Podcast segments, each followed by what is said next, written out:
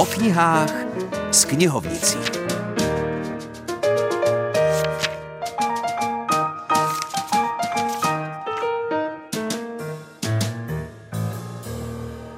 Hezké nedělní odpoledne přeje Filip Černý. Je tu po týdnu opět naše knižní rubrika. Dnes knihovnice, editorka a autorka v jedné osobě Helena Stejskalová přinesla knihu, která je přímo pastvou pro oči a potěší všechny milovníky výtvarného umění. Když mi před lety jeden docent malby doporučil knihu Ernsta Hance Gombricha Příběh umění, tak jsem knihu přečetla jedním dechem a naučila se o malířství uvažovat jinak, než jen orientovat se v posloupnosti jmen významných malířů. Knihu jsem tehdy považovala za nejlepší úvod do dějin umění, ale teď měním názor. Proč? Sáhněte po nové knize Příběh malířství s podnázvem Jak se dělalo umění. Je to kniha, kterou vydalo umění milovné nakladatelství Grada v roce 2021. Byla to nakladatelská sázka na jistotu. Kniha patří mezi oblíbené i mezi studenty, neboť jejím velkým kladem je, že vede k zamyšlení nad uměním a neučí jen jména malířů. Vysvětluje techniky a oblíbené náměty, zpracované v každé době trochu jinak. Andrew Graham Dixon napsal úvod příběhu o vývoji malířství a technikách. Dina a Jan Podzimkovi přeložili 360 stran knihy i s potřebnými rejstříky. Příběh malířství je v tomto pojetí přehledně rozdělen do šesti kapitol. Počátky od roku 1500 před naším letopočtem do roku 1400 našeho letopočtu je první kapitola, která přiblíží jeskyní malby, byzantské ikony, malování tuší, vaječnou temperu, techniku fresky, ultramarín či užívání zlata. Renesancí začíná druhá kapitola, návrat k realismu, s výkladem o perspektivě, vyváženosti a harmonii, pozornosti k detailům, malování na plátně či benátské barevnosti. Drama a detail je kapitola věnována baroku, včetně pojednání o olovnaté bělobě či španělském zátiší a zátiší s ovocem a zeleninou. Tím je naznačeno, že i další část knihy má netradiční, avšak výstižný název pro navazující období – iluze a rafinovanost. Díky této optice se čtenář dozví více o umění z období let 1700 až 1900. Milujete obrazy plné barev? Pak si s gustem přečtete kapitolu Století barvy o převratném využití barev, nových pigmentech, expresivní barevnosti, o nové teorii barev a využití vědy v umění.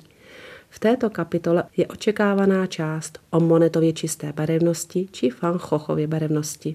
Posledních necelých 60 stran je věnováno abstrakci a moderně po roce 1900. I to je velmi zajímavé čtení, například o všestranných akrylech, o žluté napříč časem, o koláži jako umění. Nechybí čistá ani kandinského abstrakce, přičemž tato závěrečná kapitola obsahuje i zamýšlení o hranicích fotografie, malování pixely, městském umění či vlivu médií. Příběh malířství je kniha sestavená s velkým porozuměním umění a velmi pěkně provede příběhem umění nejen malíře, výtvarné kritiky, ale i obyčejného diváka a milovníka umění který se chce na své další výstavě dívat na obrazy s větším porozuměním technikám, barvě i námětům. Připomínám, kniha, která vás provede fascinujícím světem výtvarna, se jmenuje Příběh malířství a má podtitul Jak se dělalo umění. No a teď tu mám pozvánku. Boršov, Dačice, Jindřichův Hradec, Lomnice nad Lužnicí nebo třeba Zliv. To jsou namátkou vyjmenovaná jen některá místa v kraji, která se zapojí do středeční noci literatury, tedy předčítání z beletrie pro veřejnost. Číst se bude samozřejmě i v českých Budějovicích a předčítat v nich bude rozhlasový kolega Petr Kronika. Petře, kde? Projektová pracovnice Jihočeské vědecké knihovny České Budějovice, paní Petra Mašínová, mě posadí do galerie v Domě umění na Českobudějovickém náměstí Přemysla Otakara II. Čtení na tom každém místě začíná v 18 hodin a končí v 21 hodin. Čte se v půlhodinových intervalech, to znamená vždy v celou a v půl. Ale já budu na tom místě v galerii v domě umění na náměstí Přemysla Otakara II. číst poprvé v 18.30 a poslední čtení ukázky má být v 21 hodin. A z čeho budeš číst? Budu číst prózu švédské spisovatelky Elin Kulhedové.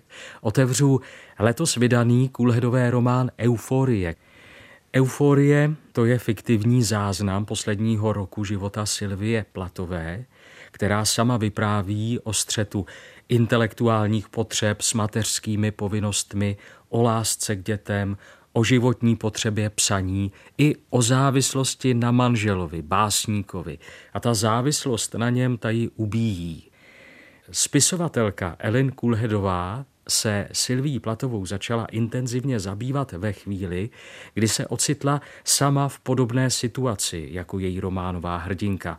Měla několik dětí s manželem, který je také spisovatel a obtížně hledala způsob, jak skloubit péči o rodinu se psaním. Já pro posluchače připomenu, že Sylvia Platová z románu byla skutečná postava, americká básnířka. Tak ještě malou ukázku z románu Euforie, ať lidi navnadíme na tvé čtení. Seděli jsme v autě. Byli jsme na cestě k západnímu pobřeží. Ted řídil. A já jsem se na všechno dívala jako přes smuteční závoj. V rádiu hlásili, že někde na severozápadním pobřeží Anglie zabili nějaké dítě. Nejsme na cestě právě tam? Ne, Silvie, jsme daleko od tut na jihu, teď si s tím miláčku nelam hlavu. Se zvláštním důrazem na slovo miláčku. Rádio jsem vypnula.